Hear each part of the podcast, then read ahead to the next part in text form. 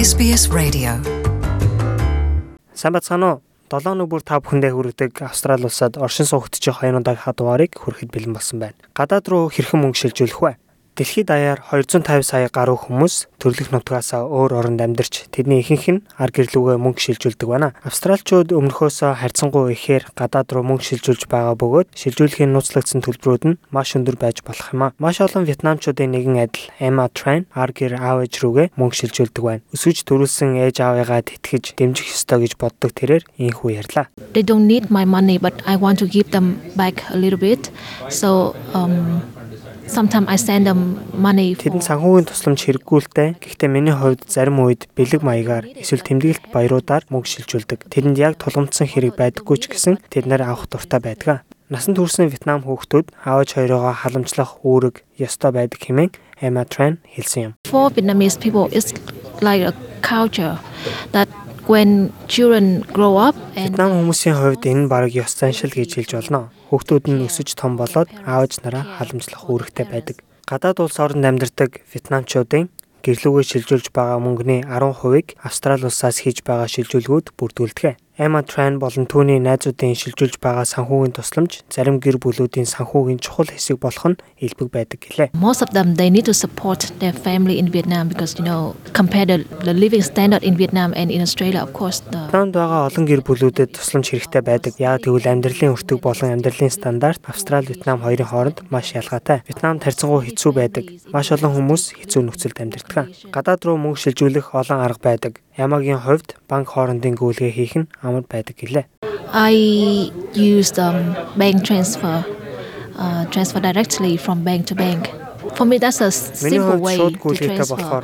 Most of Vietnamese people they use the Vietnamese agency. Гэхдээ маш олон хүмүүс бас Вьетнамын агентлагуудаар дамжуулдаг. Банкар дамжуулж мөнгө шилжүүлэх амархан ч хамгийн үнэтэд бас тооцогддог. Австрали улсад банк бүр өөрийн гэсэн үйлчилгээнүүдийг санал болгож өөр өөр төлбөр авдаг. Ерөнхийдөө 10-аас 32 долларыг шилжүүлэг болгонд авдаг. Харин бага хэмжээний гүйлгээ өөрөөр хэлбэл мянгаас доош хэмжээтэйгээр найз нөхөд гэр бүлдээ шилжүүлэх гэж байгаа бол банк бус бусад шилжүүлгийн компаниуд илүү хямд байдаг. Тэдний төлбөр нь тэгээс 15 доллар хүртэл байх боломжтой. Гэхдээ зарим тохиолдолд шилжүүлгүүд удаан байх тохиолдол гардаг. Данс нээх, данс хооронд шилжүүлэхэд хэдэн өдөр шаардагдах боломжтой байдаг. Бас нэг анхаарах зүйл бол Австрали долларын өдрийн ханшийн мэдээлэл байдаг. Өдрийн ханш өндөр байх тусмаа очих мөнгөнд тусламжтай нь өндөр байх болно хэмээн Австралийн үнэт цас болон хөрөнгө оруулалтын албаны Victoria мужийн орон нутаг хариуцсан ажилтан Warren Day хэллээ.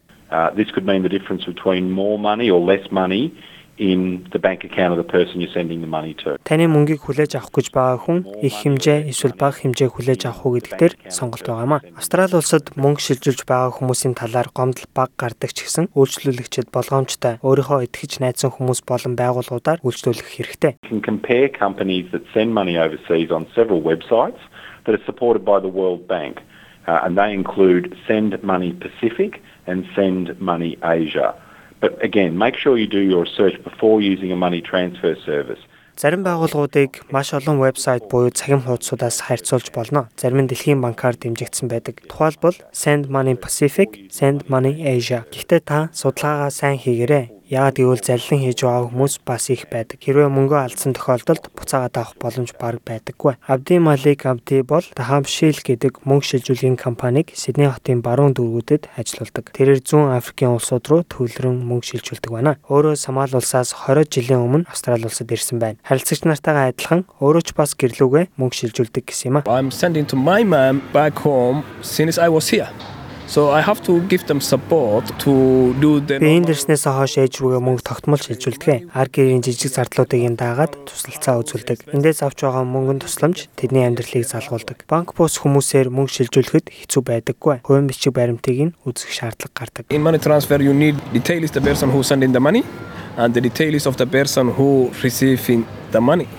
That's the main thing. You have to provide your ID or passport Банкны шилжүүлэг хийж байгаа үед шилжүүлж байгаа хүнийхээ мэдээлэл болон хүлээж авч байгаа хүний мэдээлэл байх хэрэгтэй. Энэ бол хамгийн гол зүйлс юм. Хэрвээ шилжүүлэг хийж байгаа бол иргэний үнэлэх эсвэл жолооны үнэлгээ үзүүлэх шаардлагатай. Австралийн мөнгө шилжүүлгийн хууль дээр ингэж заасан байдаг. Шилжүүлж байгаа болон хүлээн авч байгаа хүмүүсийн мэдээллийг авсны дараа шилжүүлгийг хэдхэн хормын дотор хийж болно. Шимтгэлийг шилжүүлж байгаа хүн төлдөг. When the person send money, we give them receipt and the transaction number. So the person in here he can also send that message to the person over there.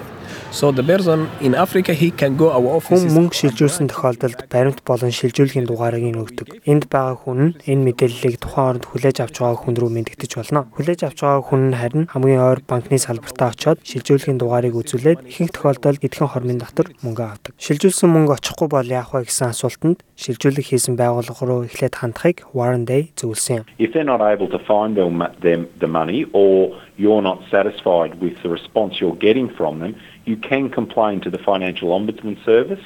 You can call them on 1 800 Тухайн байгууллагууд таны мөнгийг олж өгөхгүй эсвэл хариу өгөхгүй удаад байвал санхүүгийн зохицуулах үйлчилгээнд хандаж болно. Financial Ombudsman буюу санхүүгийн хэргийг 1800 367 287 гэсэн дугаарт мэдэгдээрэй. Мөн тэдний байгууллагын Money Smart вебсайт болох moneysmart.gov.au-д холбогдож чиг баримжаа мэдээлэл аваарай. Агентлаг бүр гадаад руу мөнгө шилжүүлэх дээд хэмжээгээ өөрсдөө тодорхойлдог. Гисэн хэдий ч Австралийн засгийн газрын баталснаар Австралийн санхүүгийн байгууллагууд 100000-аас дээш хэмжээний төлбөр шилжүүлэхийг Austrac байгууллагад мэдэгдэх шаардлагатай байдаг. Australian Transaction Reports and Analysis Center байгуулга нь мөнгө угаах, гэмт хэрэг болон татвараас цугтааж байгаа үйлдэлүүдийг хяндаг юм байна. За энэ хүү дугаар маань та бүхэнд таалагдсан гэж найдаж байна. Дараагийнх дугаараар тун утгагүй уулзцаая.